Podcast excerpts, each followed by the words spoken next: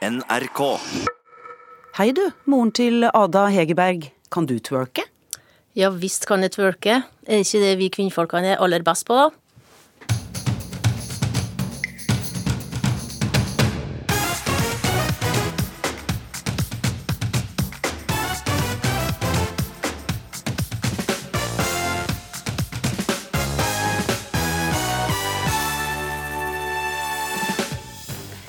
Datteren vant gullballen, men ikke hele kongeriket. Vi har fått besøk av foreldrene hennes, Gerd Stolsmo og Stein Erik Hegerberg. En nederlender ville endre sin juridiske alder fra 69 til 49 år. 21 år gamle Trym skulle ønske han var eldre, og ser ikke bort fra at han kunne forelsket seg i en pensjonist. Begge brenner for Kongo og kvinnehelse. Begge kjenner fredsprisvinner Dennis Mukwege. Den ene har eh, hatt sitt siste legeoppdrag i Kongo, den andre venter på å komme i gang. Og det er ikke rart at folk bremser opp på E18 når de kjører forbi dette julehuset. I lys så er det vel ca. 30 000 lys.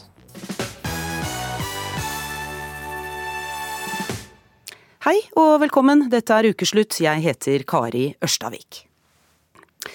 I Paris i Frankrike er det nå sammenstøt mellom politi og demonstranter. Ifølge nyhetsbyrået Reuters har politiet brukt tåregass for å spre folk. Demonstrasjonene mot franske myndigheter fortsetter over hele landet i dag, og det er utplassert nesten 90 000 politifolk. Europakorrespondent Philip Lote, du er nå på en buss sammen med demonstranter på vei til Paris.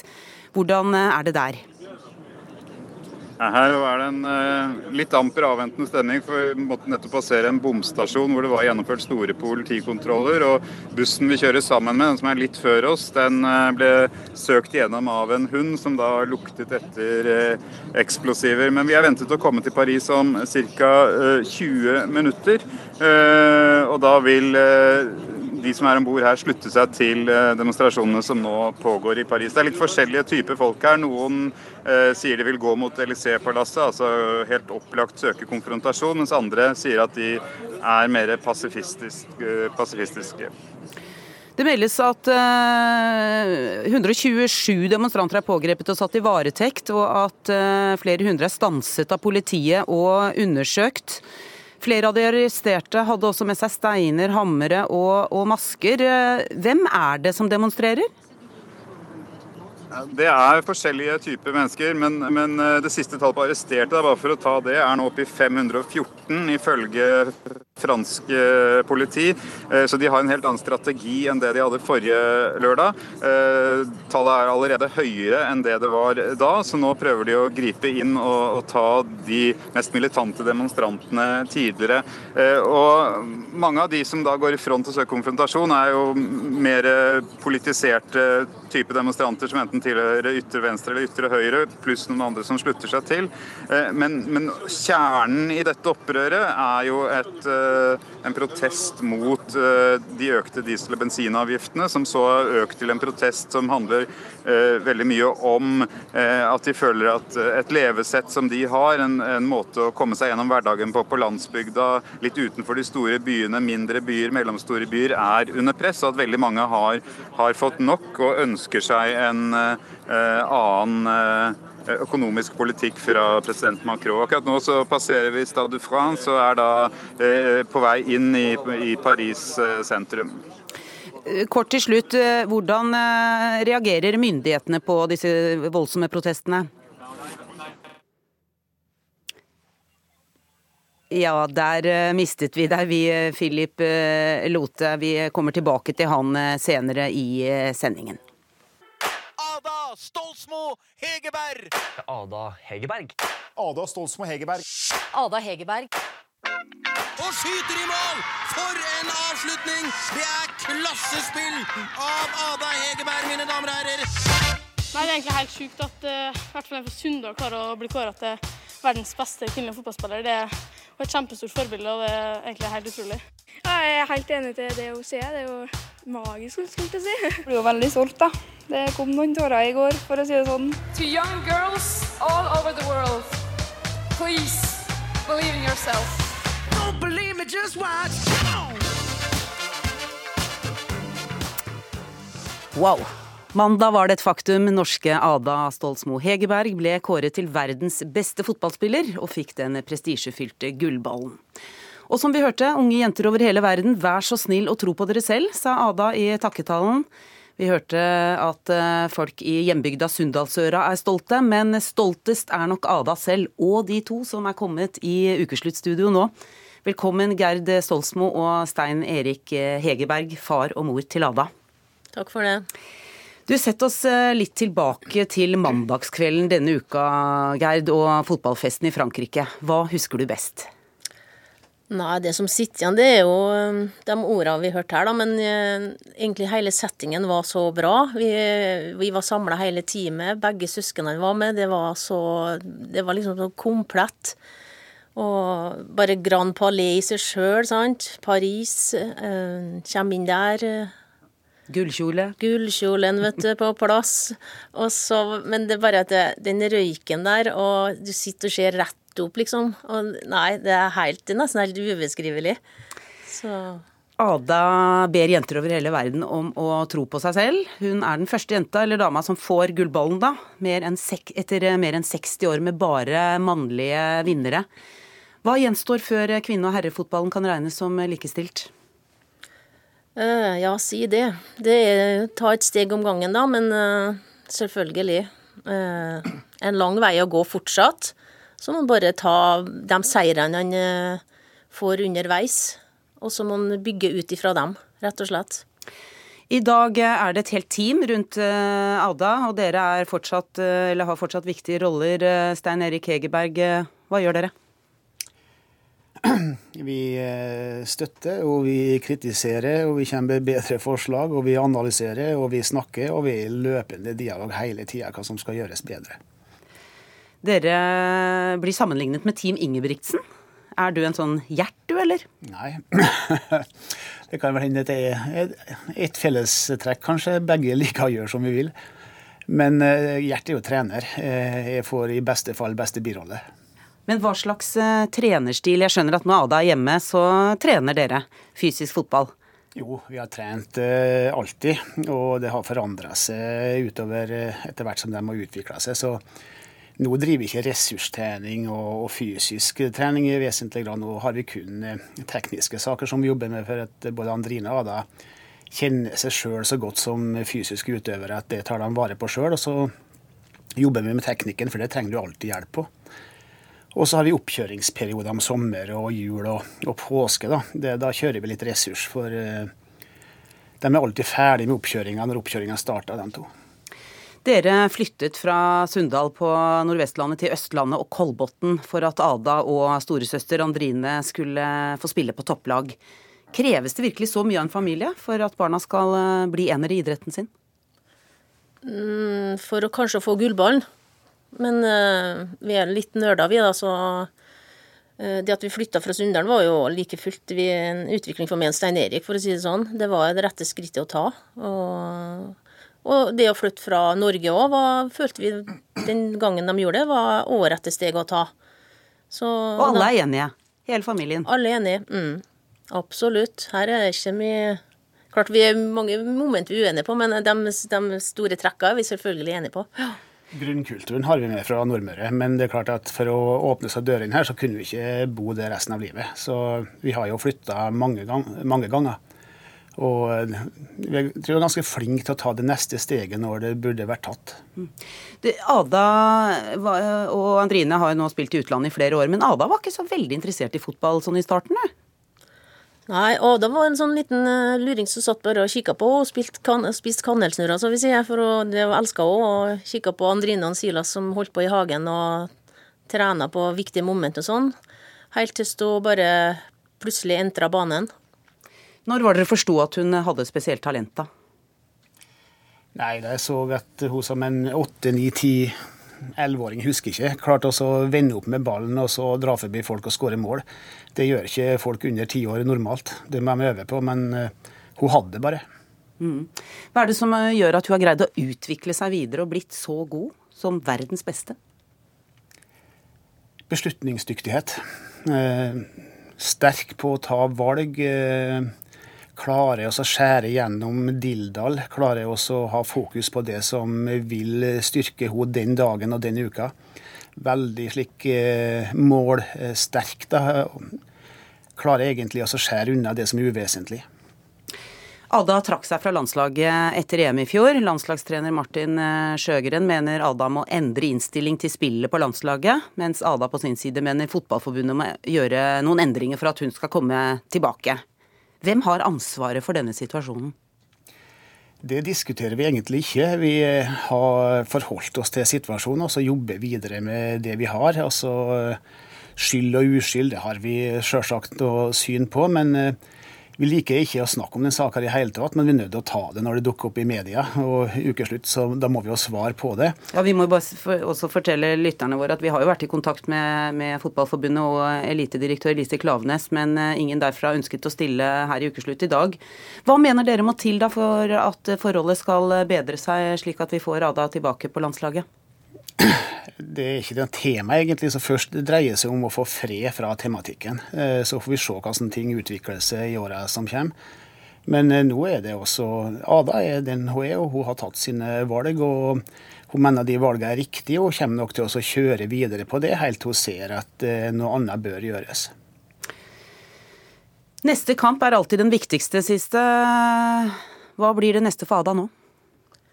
Ja, nå er det å få landa alle intervjuene og komme seg ned på hverdagen igjen. Jeg tenker at den er starta, for hun er i dag i Soyo og skal spille kamp. Og da er det å er hun tilbake, tenker jeg, oppi hodet sitt og repetere på hva hun skal gjøre i kampen. Rett og slett. Du, Takk for at dere kom. Jeg må også nå informere om at uh, Fotballforbundet sier uh, i en uh, e-post til oss nå at de har hyllet Ada for prisen og stilt opp for flere medier denne uka. Vi har selvsagt et ønske om å ha de beste tilgjengelige spillerne på landslaget. Vi mener det er bedre å ta dette direkte med Ada framover, og ikke via media, sier de i en melding til NRK, og understreker at dette er et tema de kunne tenke seg å stille til ved en senere anledning.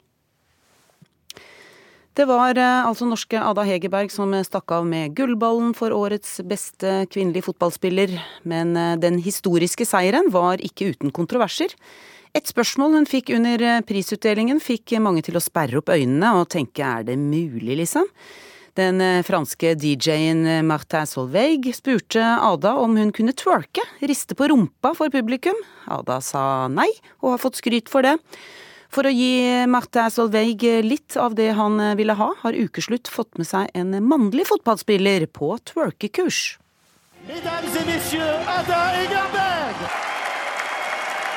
Fotballspiller Ada Hegberg sto rørt og overveldet på en scene i Paris etter å ha vunnet Gullballen for beste kvinnelige fotballspiller. Aldri før har prisen blitt delt ut, og i kveld gikk den til den 23 år gamle Lyon-spilleren. Men så stiller eh, DJ Martin Solveig et spørsmål. Skal du se twerke? No. Kan du twerke? Nei. Dette er Jørgen Horn. Han er som Ada Hegerberg fotballspiller. Han spiller for eh, Sarpsborg fotballklubb, og selv om han er god med en ball, er det noe han ikke kan, nemlig å twerke. Har uh, dansa mye hjemme i stua med dattera vår. og Utvide danserepertoaret sitt noe der tror jeg kan bli bra for alle mann alle. Så vi får se hva vi får til her i dag. Du sitter kanskje foran radioen nå og lurer på hva twerking betyr. La meg prøve å beskrive. Twerking er en bevegelse og du kan se mye av i diverse hiphop-videoer. Bevegelsen er som regel utført av kvinner.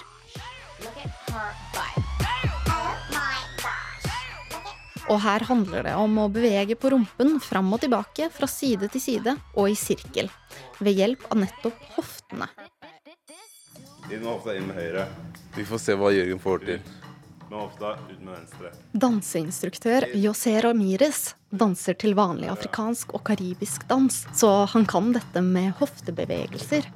Skal, vi skal prøve å få han til å bevege hofta. hvert fall. Fysioterapeutene sier at det er stiv i hofta, så derfor får vi se om vi kan myke opp litt i dag. Vi har også fått låne dansestudioet til NRK. Et ekte og stort et. Du vet, med speil over hele veggen. Så, skal vi prøve å lage en sirkel med hofta. Jørgen er fokusert og stirrer rett i speilet foran seg med et skarpt blikk. Følger med på føttene og prøver å etterligne. Tenk at, tenk at du sitter på Sitter på en gyngestol, og så bare beveger du hodet. Der, ja. Det var mye bedre. Føltes det bedre ut også? Ja, litt grann i hvert fall. Du er jo kjempekonsentrert, Jørgen. Ja, må jo være det når jeg skal prøve å lære de greiene her, men det var mye vanskeligere enn jeg trodde. Er det bevegelsen bort, eller Det skjer samtidig. For hvis jeg skal være helt ærlig, så hadde jeg mine tanker om hvordan dette skulle gå. Nemlig en fotballfyr som ikke tar dans seriøst, og som kanskje syns det er litt kleint å bevege på hoftene. Er du svett, Jørgen? Ja, det er jeg. Var det vanskeligere enn du trodde? Ja, mye.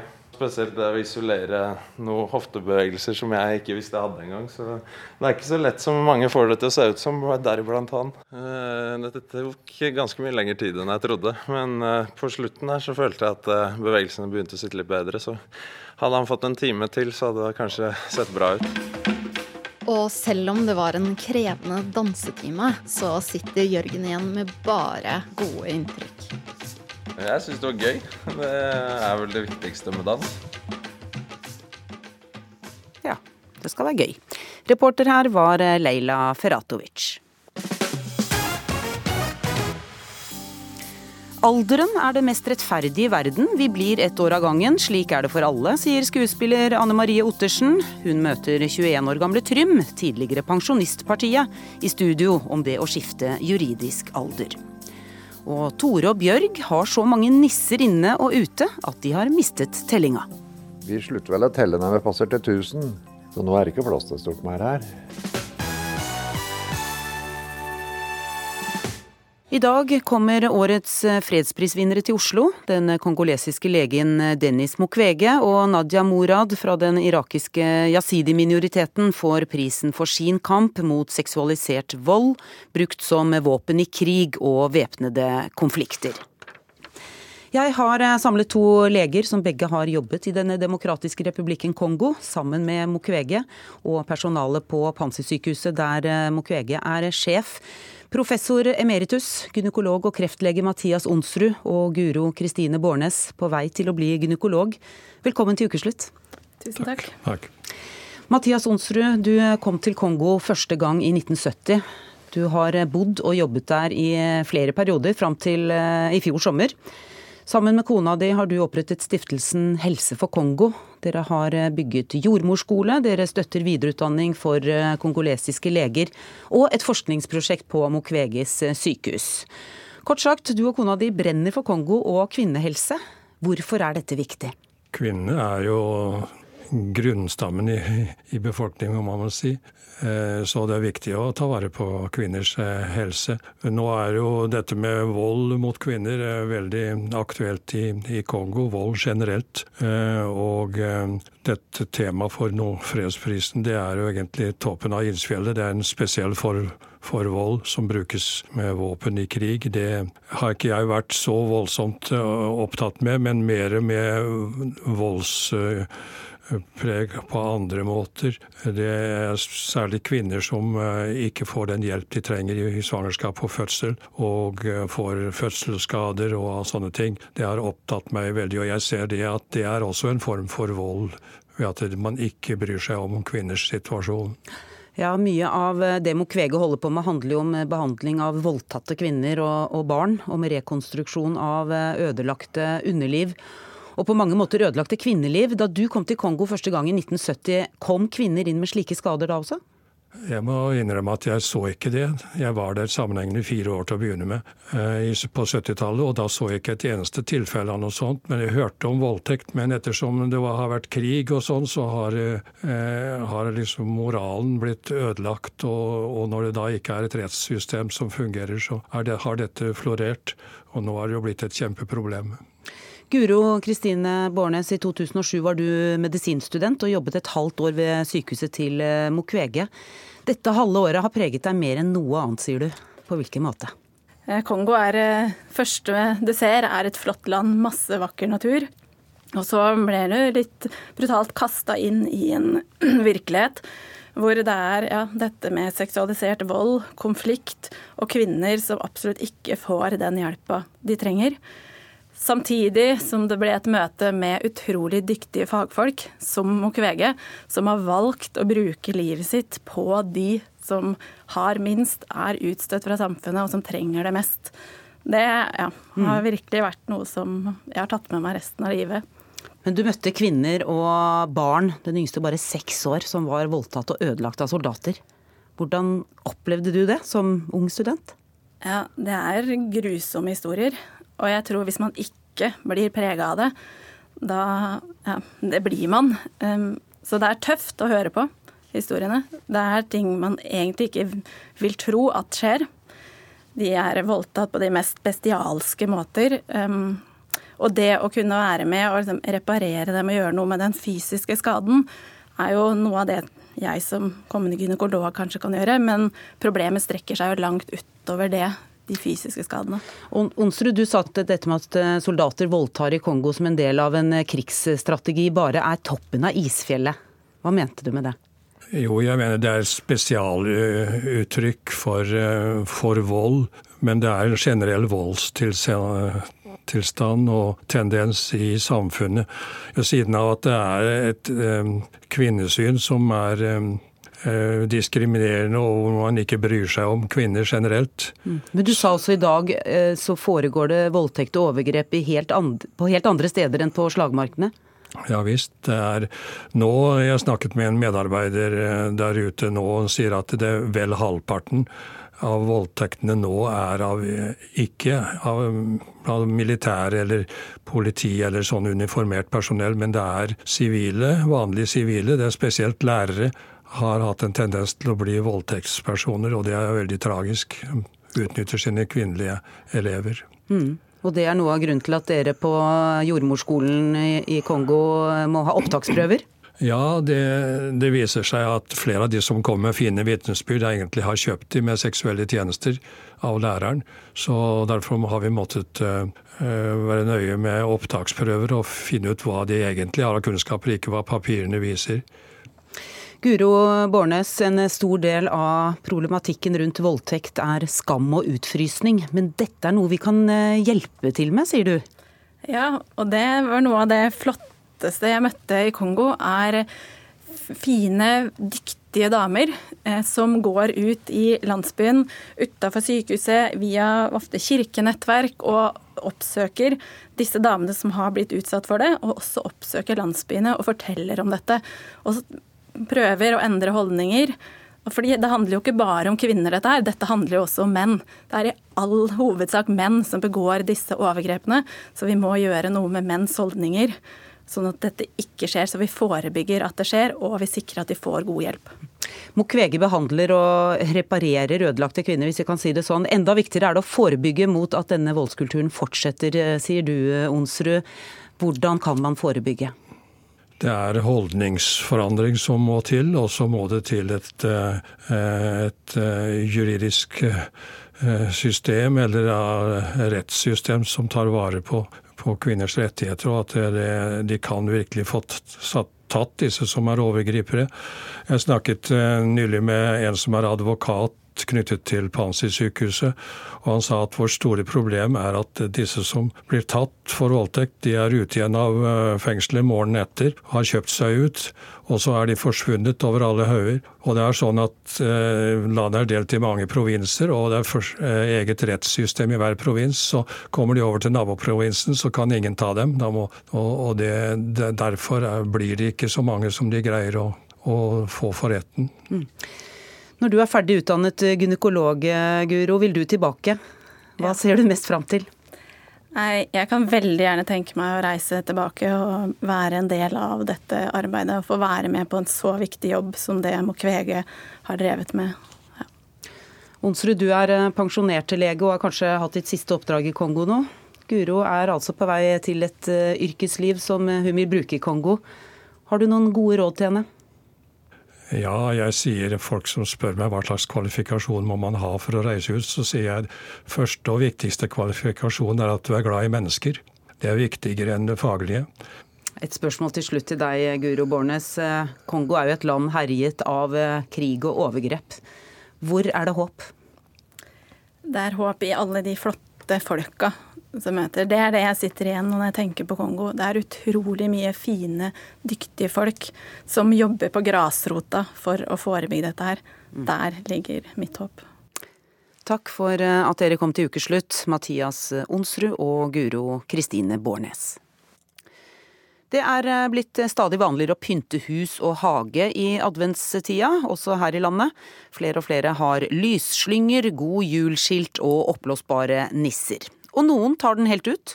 Langs Europavei 18 i Ski utenfor Oslo er det ofte glanekø langs motorveien, fordi bilistene vil se det helt spesielle julehuset.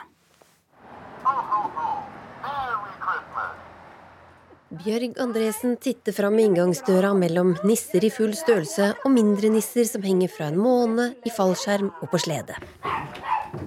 Det her kan du se. Det var ikke mye vi hadde til å begynne med. Nei. Det var nesten ikke noe. Jo, det begynte med det at eh, ja, vi var vel i en butikk, og så kjøpte vi en to-tre figurer som vi hengte på veggen. Da etter en stund da, så var det noen som kom og kommenterte det. Det er jo plass til litt til. Og det tålte jo ikke jeg å høre. da. Så Året etter så da fylte vi på litt til på veggen. Og, og sånn har vi gjort nå i 20 år. Bare fylt på og fylt på. Tore Olav Karlsen sluttet å telle da det var 1000 nisser inne. Nå skal du få se hva han driver med.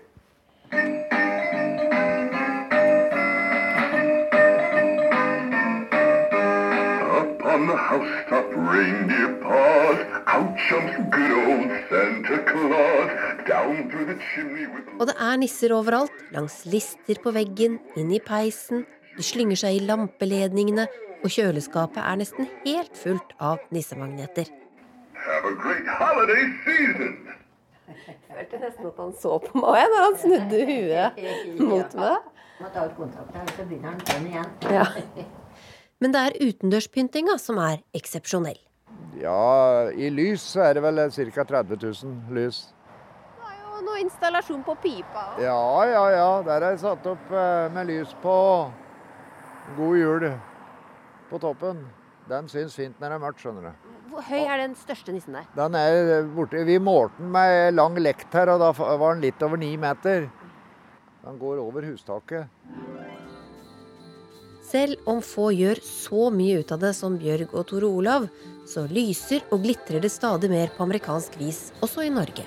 Nei, Ute har vi hatt noen slønger, og så har vi fått ei sånn, hva det heter, det heter ei kongle eller sånn som vi skal oppå veggen. Og så har vi en par nisser på plattingen og litt sånn småtteri. Lys og granbar på verandaen, og også lys rundt en sånn matebu som jeg har til eh, fugler og rådyr. Sa folk på Ski storsenter. Butikkjedene har gleda seg til denne uka, for det er nå de fleste kjøper julelys, og vi kjøper mer og mer for hvert år, ifølge Power, Jula og Europris. Men det kan bli for mye pynt også. Jeg syns det blir for mye. Det blir for mye jul. Jeg er ut av de at jeg er jo glad for at de to sånne hus vi har på Ski her, eh, at det ikke er så mange ut av de rundt omkring. Men samtidig liker jeg å komme og se at folk tar litt av. Altså Vi trenger det litt sånn spesielle. Ja, men ikke hos meg. En del naboer irriterer seg så mye over naboens julelys at de klager det inn, forteller advokat Henning Lauritzen i Norske Boligbyggelags Landsforbund. Nei, problemet, Noen av de som blir mest sure, det er de som har små barn eh, som skal legge seg. Og, og, hvis det blinker da, da eh, er det en del småbarnsforeldre som blir litt for tissige. Eh, og det kan man kanskje skjønne. Og da vil de ha med lysstyrken f.eks. og ha bort blinkingen om kvelden. Hva er det verste du har hørt, da? Ja, det verste jeg hørte, det var, en, det var en sak der hvor vi var involvert. Og hvor den ene naboen, den som fikk lysene blinkende inn i sin egen bolig, til slutt flyttet fordi vedkommende ikke orket lenger. Og det var nok fordi lyset gjorde naboforholdet veldig dårlig. Men hva, hva vil du si er innafor, da? Det som er innafor, det øker egentlig år for år. For de lovbestemmelsene vi har, de sier at man ikke kan gjøre ting som er urimelig eller unødvendig.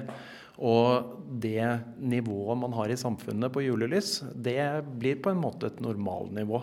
Så hvis det er høyt, så kan man tillate seg mer blinking og lysing. Så jeg vil jo si at hvis det er ting som dreier seg om veldig sterke lys eller blinkende lys, så vil det kunne være over grensen.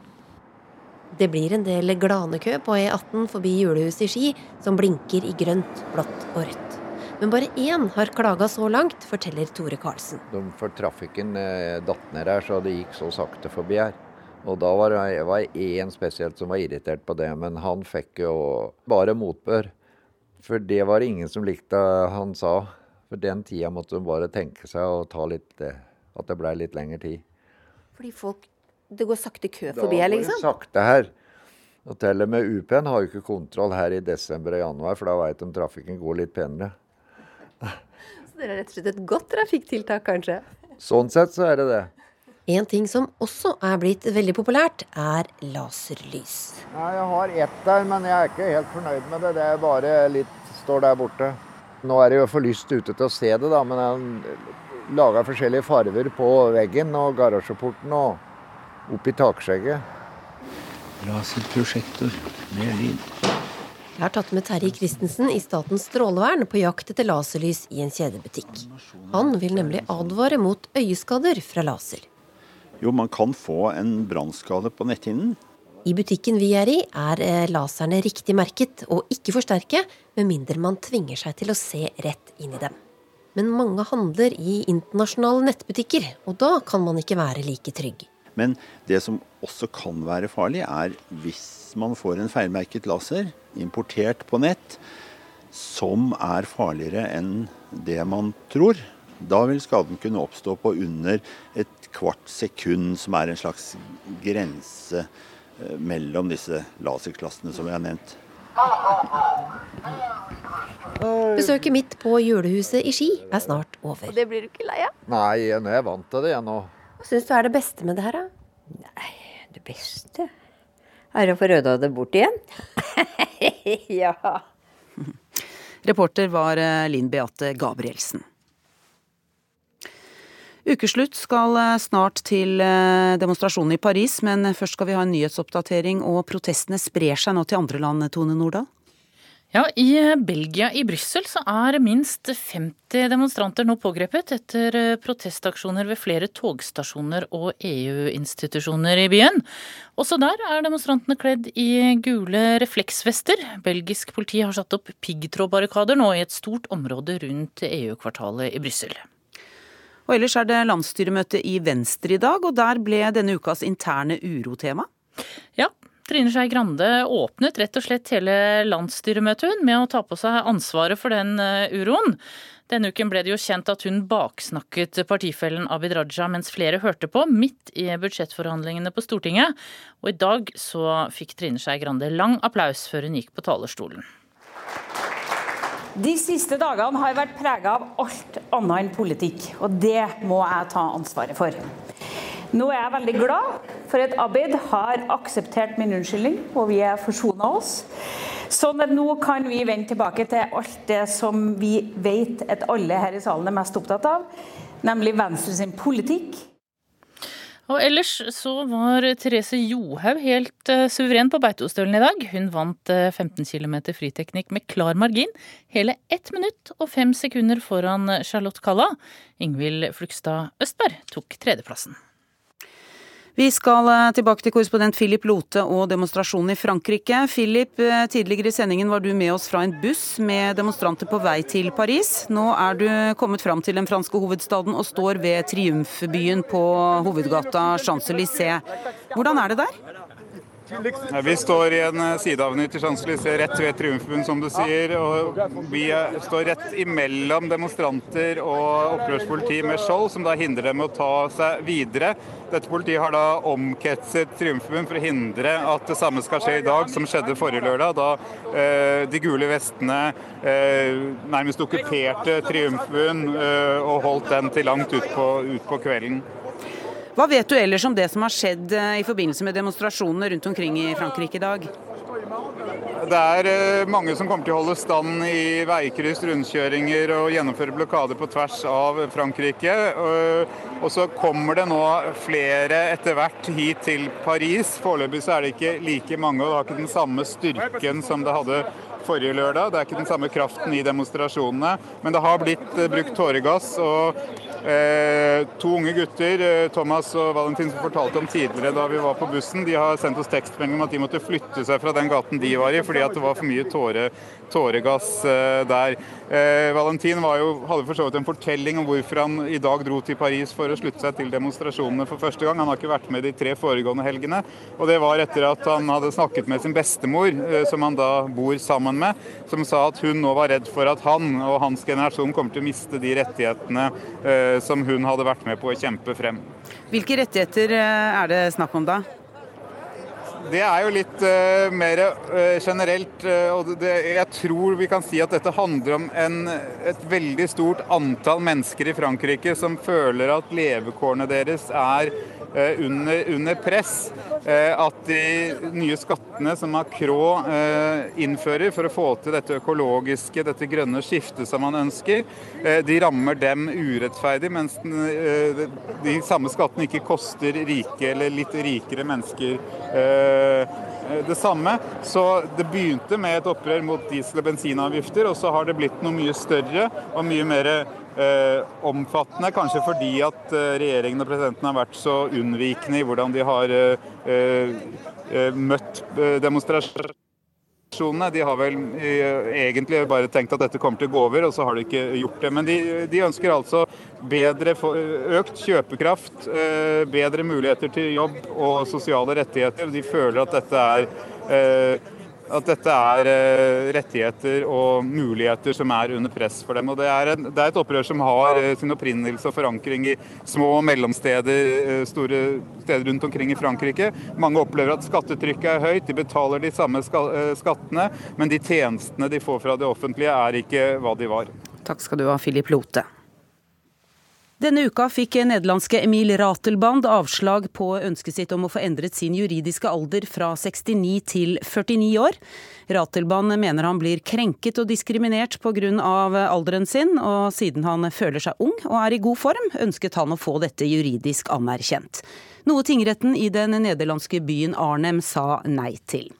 Trym Sivesintaje, du er nå 21 år gammel. Da du var 18 sto du som kandidat for Pensjonistpartiet på Gjøvik sin liste til kommune- og fylkestingvalget. Du har alltid følt deg eldre enn du er, og du har alltid trivdes best sammen med eldre folk. Det må du forklare.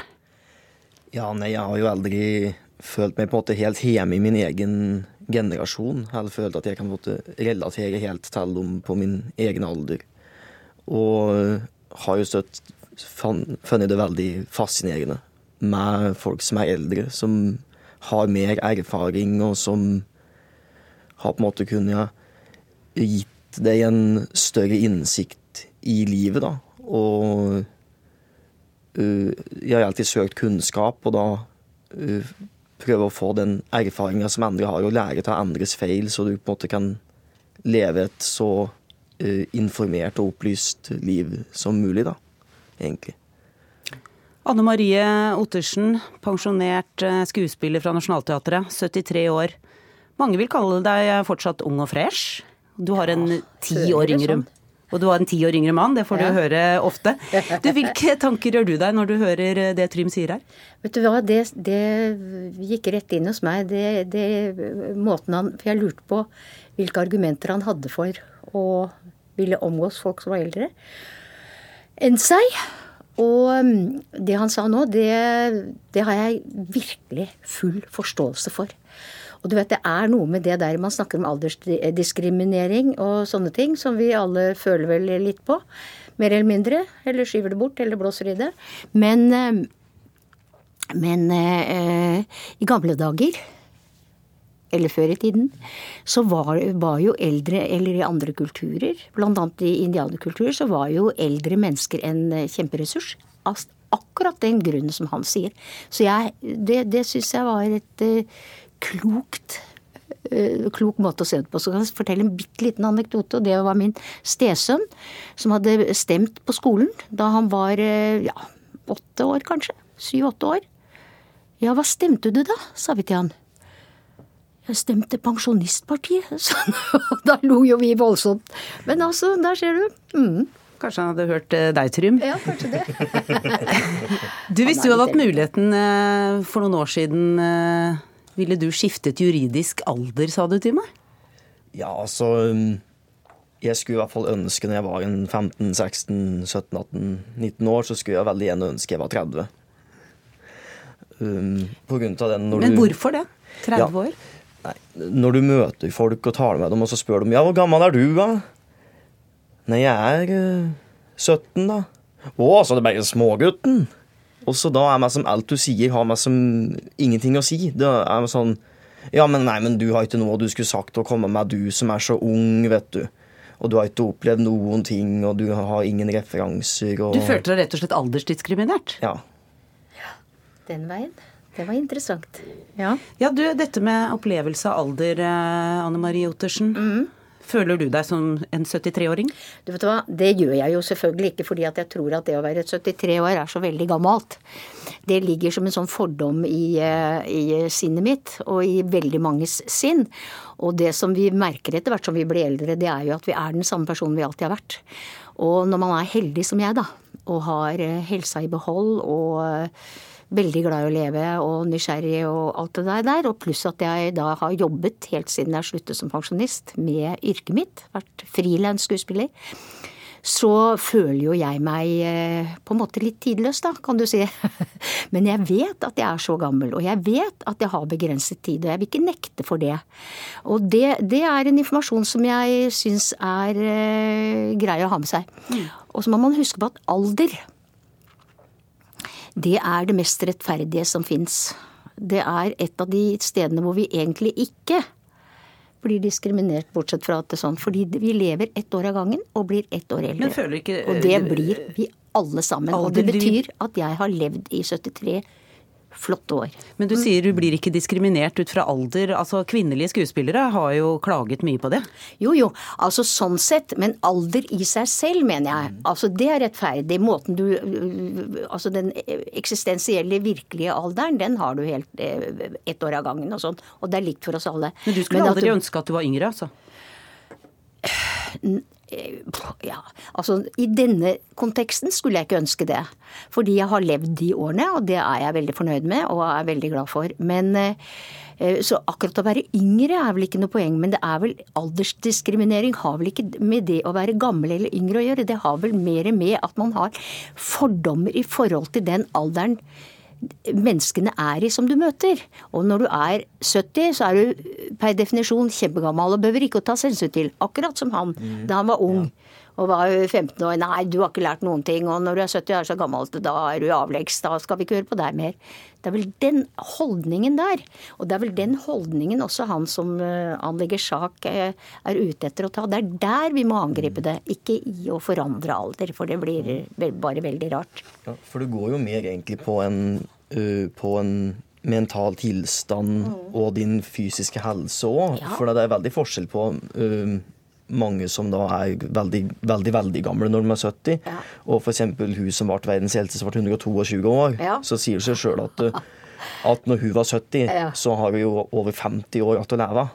Ikke sant? Og da har du en annen tilstand. Så sjølve alderen i tall vil jo da ikke nødvendigvis ha den samme Det er nettopp Men, det. men du, men du Trym, dette med fest og moro, Ja. det er det jo mest hos eh, unge. Ja. Liker du ikke det, du? Uh, it- Ikke sånn, um, sånn når masse folk og ut og hurra med rundt og høy musikk. Det har jeg aldri syntes har vært helt stas. Har ikke hengt Da- helt med på den. Dataspill og gaming og sånn, da? Nei, jeg er ikke helt den typen heller. Jeg er mer sånn uh, bridge og sjakk og uh, Slik som gamle folk holder på med? Ja, og slike ting, ja. Universet og sånt. Hvis du Ja, skulle forelske deg, Trym? Ja, det er jeg. Ja, altså Eller hvis du kanskje du har gjort det, er det kunne du blitt forelska i en pensjonist? Ja, altså jeg vil si at det eneste som har noe å si, er hvem du er som person. Det er en person du skal være hoppes med, ikke en alder eller en eh, tilstand. Det er jo personen. Så jeg vil ikke se på det hvis jeg finner noen som, som jeg mener eh, samsvarer med, med meg på en god nok måte, så, så har jeg lyst til å gå for den personen. Samme, samme søren hvor gammel de er? Ja. Jo, men altså, jeg har jo kjørt det argumentet, jeg har jo også gjort det i praksis, da, fordi at det er jo Mannen min er jo yngre enn meg, og det har sagt at jeg er jo ikke sammen med en alder, jeg er jo sammen med et menneske.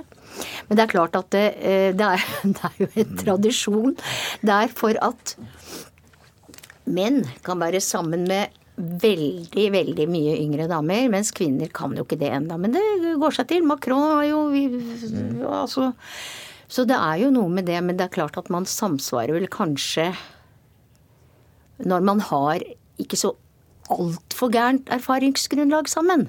Du, jeg må bare stille et spørsmål til slutt, Anne Marie Ottersen. Hvilke fordeler ser du ved det å bli eldre? Vet du, det er veldig mange, faktisk. Og det er vel kanskje fordi at jeg er det, så jeg må liksom avfinne meg med det. Men for det første så har jeg fått friheten min igjen. Jeg har jo tre barn. Og nå driver barna våre Og vi har fem barn til sammen, Lasse og jeg. Og nå driver de og får eh, barnebarn og har våkenetter. Det slipper vi. Kan gjøre akkurat hva vi vil. Og det, det var en utrolig befrielse, syns jeg, å få friheten min tilbake. Og så lenge du er sunn og frisk, så er det jo ingen begrensninger. Og du behøver ikke, du behøver ikke å bevise noe heller. Du har bevist det. Takk for at dere kom til ukeslutt. Anne Marie Ottersen, skuespiller, eh, og Trym Sivesintaye, tidligere Pensjonistpartiet. Lady Gaga og Bradley Cooper. Smarttelefonen er like avhengighetsskapende som tobakk, mener filosof. Han vil ha 16 års aldersgrense, men youtuberen på 14 er ikke interessert i å vente. Ingen norske TV-kanaler skal sende julefilmen Love Actually i år. Det er helt greit, mener Feministisk filmklubb. Kvinner de er jo bare der for å drive mannens eh, historie videre, og det er utrolig frustrerende.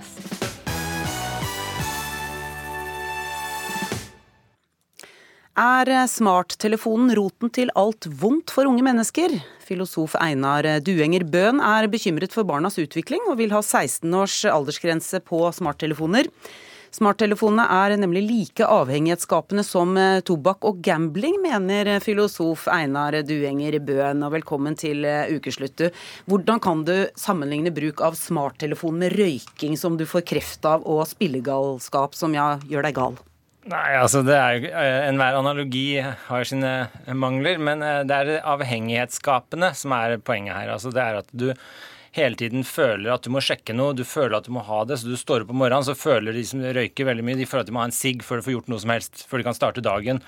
De som gambler, de føler hele tiden at de må fortsette å gamble, for de vinner neste trekk. Neste frem, så vinner de. ikke sant? Og med smarttelefoner så får du det samme effekten, at du føler hele tiden må bare sjekke om det er noen som har lagt igjen en beskjed. Du skal bare sjekke om du har fått en like. Du må bare sjekke telefonen før du gjør noe som helst, før du står opp om morgenen, før dagen kan begynne akkurat samme type avhengighet. Og dette er jo et type sånn kjemikalier i hjernen som gjør at du liker den type likes og bekreftelse som du får på nettet. Den får du samme type reaksjon på når du gambler og vinner, når du røyker og får siggen din. Så det er en sånn type avhengighet som vi ser, uh, uh, som jeg er veldig bekymra for, fordi det er ingen reguleringer på smarttelefoner i dag, sånn det er på gambling og sigaretter og alt annet som er avhengighetsskapende. da. Sondre Stubseen Mathisen, du er 14 år og driver en YouTube-kanal, Sondre og Paps, sammen med faren din, som også er her. Dere starta denne da dere var ti år. Velkommen til dere også. Hva syns du om det han filosofen her sier? Skal ikke, han skal nekte deg smarttelefon. Nei, det hadde vært veldig kjedelig. Da får jeg ikke snakke med vennene mine så mye som jeg gjør. Men Kjenner du ikke igjen den avhengigheten som han snakker om? Jo, jeg må jo sjekke telefonen hver Ja, hvert fall hvert femte minutt. Om natta òg? Ja. Så, du, pappa Ronny Mathisen, du er også far til Sondre her. Kjenner du deg igjen i denne avhengigheten nå, eller?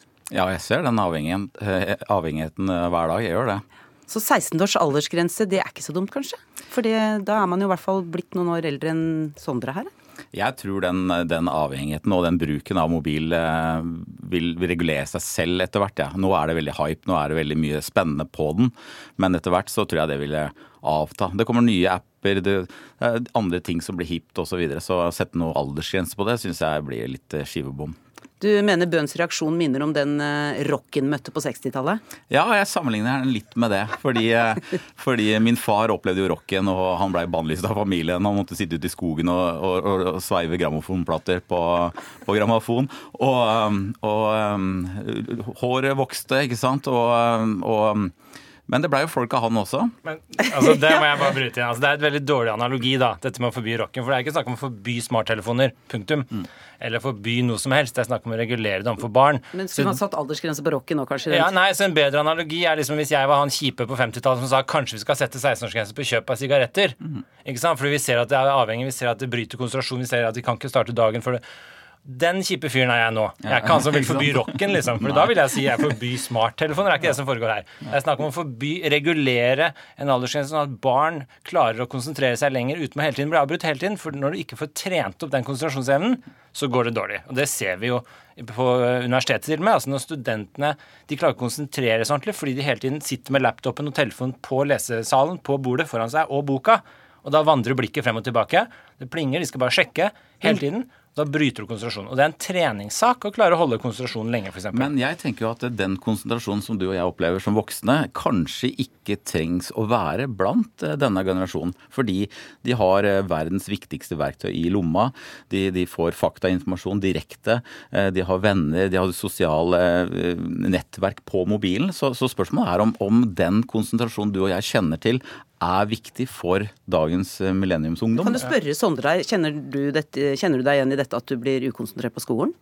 Uh, skolen min tar telefonene før eh, timen starter, så Ja, det er jo en grei regel, det. Det har de gjort i Frankrike. da. De har begynt å forby smarttelefon i skolegården. Mm. eh, på alle trinn. Og Det er en annen type regulering som jeg også syns vi skal vurdere. ikke sant? Hvis du ikke vil gå så langt som å sette 16 år på kjøp og salg, så kan du sette 16 år på, eller så kan du sette forbud i skolegården f.eks. Det er et tiltak som også jeg tror er veldig positivt. Så det er mest bare for å åpne debatten for hva vi skal gjøre, fordi dette er en konsentrasjonsbrudd. Og det jeg tror det er sånn som dere, som sikkert er veldig ressurssterke og flinke til å bruke det her kreativt, har en helt annen holdning til det. Og det er mange som røyker hele livet også, og trives med det og skriver veldig mye bra romaner fordi det er for roen når de røyker, og de faller i kreft, og de blir 98 år. Men jeg tror ikke vi skal styre politikken rundt de få som lykkes med den nye innovasjoner. Mm. Eh, vi skal se på statistikken, og langtidsstudiene har ikke kommet ennå. Vi vet ikke hva langtidseffektene er. Men det er, noe, det er noe forskning på området som viser bl.a. at man får høyere puls og føler separasjonsangst når mobilen er utenfor rekkevidde. Det høres jo litt urovekkende urovekkende ut, jeg Ronny Mathisen. Jeg må vel innrømme at jeg snudde vel bilen også i dag, fordi jeg glemte mobilen på vasken på badet. Så vi snudde bilen, henta mobilen, for uten den så hadde man følt seg eh, ja, i ordets rette forstand naken. Ja. Men jeg tenker på også som, tilbake på 60-tallet at eh, Radio Luxemburg kom jo, ikke sant.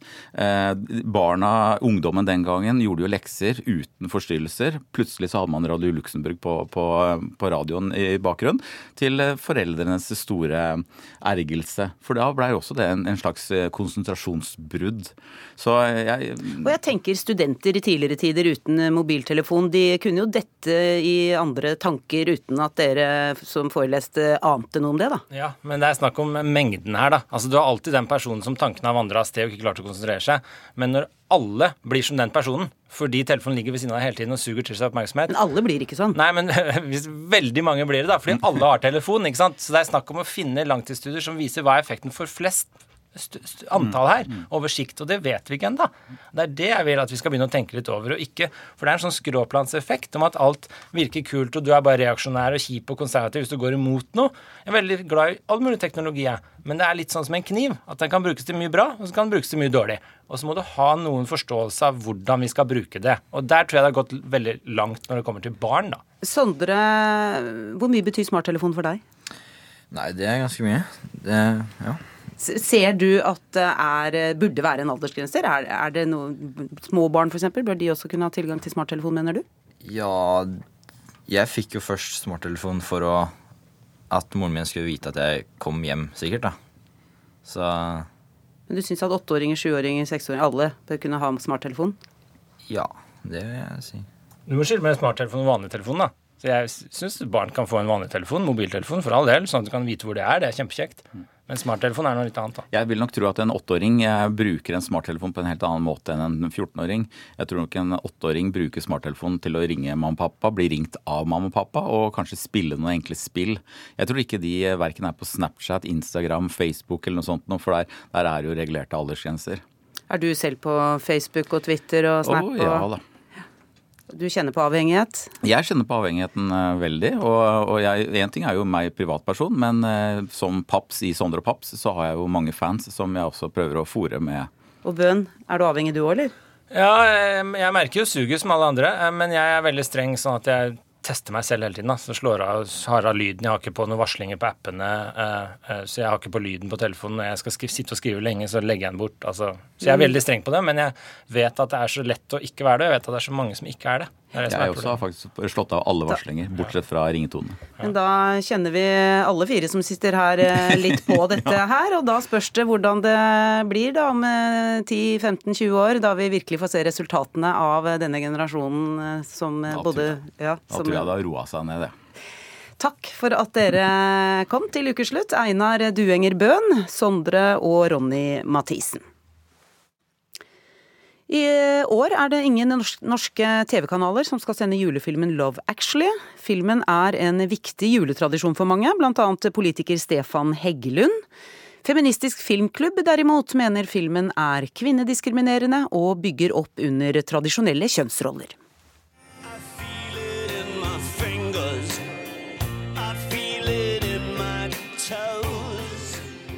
Jeg hater han der så jævlig.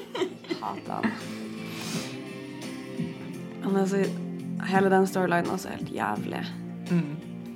Helene Aalborg og Ada Mo Fause sitter med hver sin kaffekopp foroverlent mot en iPad for å se på julefilmen Love Actually.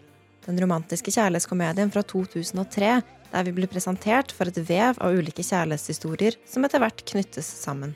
denne desemberen, eller egentlig denne uka, hvis vi teller med den gangen her, så har jeg nå sett denne filmen tre ganger på en uke. Og det er rekord. Så for vår del så er det kanskje like så greit at denne filmen ikke blir vist til jul. Så slipper vi å se den en fjerde gang. Aalborg og Fause startet Feministisk Filmklubb for to år siden. Forrige lørdag hadde de en visning av Love Actually, der de kommenterte det de ikke likte med filmen. Det gjorde de foran rundt 100 publikummere på Kulturhuset i Oslo. I dag har de en liveanalyse av filmen kun for meg. Det blir tydelig etter hvert han skal dra til USA fordi engelske jenter er så dumme og teite. For det er jo ingen som vil være sammen med han. Er ingen britiske jente vil ligge med denne karakteren, da. Så han bestemmer seg for å reise fra landet til USA. For der er det kule jenter som vil ligge med han. Og greia er at i denne storylinen så stemmer jo det. Aalborg og Fause mener at juleklassikeren er diskriminerende mot kvinner. Mye av problemet med filmen er at eh, det er, ja, det er kanskje mange kvinner i denne filmen som, som snakker, og som er deltakende eh, protagonister. Eh, men så er det mange som ikke er det. De er jo bare der for å drive mannens eh, historie videre. Og det er utrolig frustrerende. Denne julen skal ikke juleklassikeren Love Actually sendes på noen norske TV-kanaler. Det skyldes at ingen av kanalene har rettigheter til å sende filmen. Stortingsrepresentant for Høyre, Stefan Heggelund, liker filmen godt. Han skal se filmen i år også, selv om den ikke går på norsk TV. Vi kan jo strømme den, heldigvis. Eh, Så har vi den eh, digitalt, og det er jeg veldig glad for, sånn at vi får sett den denne julen også. Han forteller at han blir like rørt av filmen hvert år. Jeg, jeg kan like en eh, god romantisk eh, komedie, eh, men det er ikke min favorittsjanger. Men den filmen den bare tar meg hver eneste gang. Jeg blir veldig, veldig rørt av den. Jeg gjør det. Det er klart at jeg gråter jo fra første scene. Det er der hvor eh, du bare har bilder fra flyplasser og folk som møter hverandre, eh, henter familiemedlemmer på flyplasser.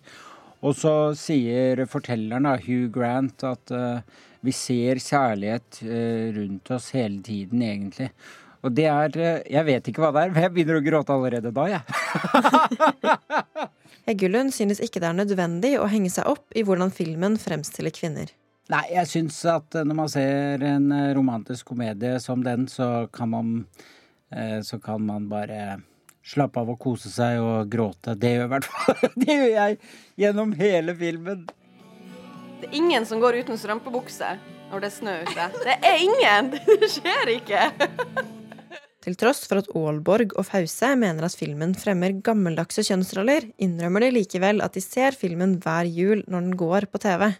Love Actually er for meg i hvert fall en film som eh, jeg har sett så mange år på rad til jul, og som jeg som oftest egentlig har gjort i en veldig hyggelig setting. Det er liksom en koselig film å se, men som jeg alltid har irritert meg, da. Det har vært eh, et, et sår som har klødd, og som jeg endelig har fått lov til å, å, å pirke på.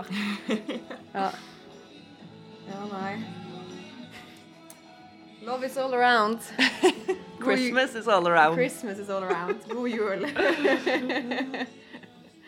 Mm, reporter her, det var eh, Anna Lea Poppe.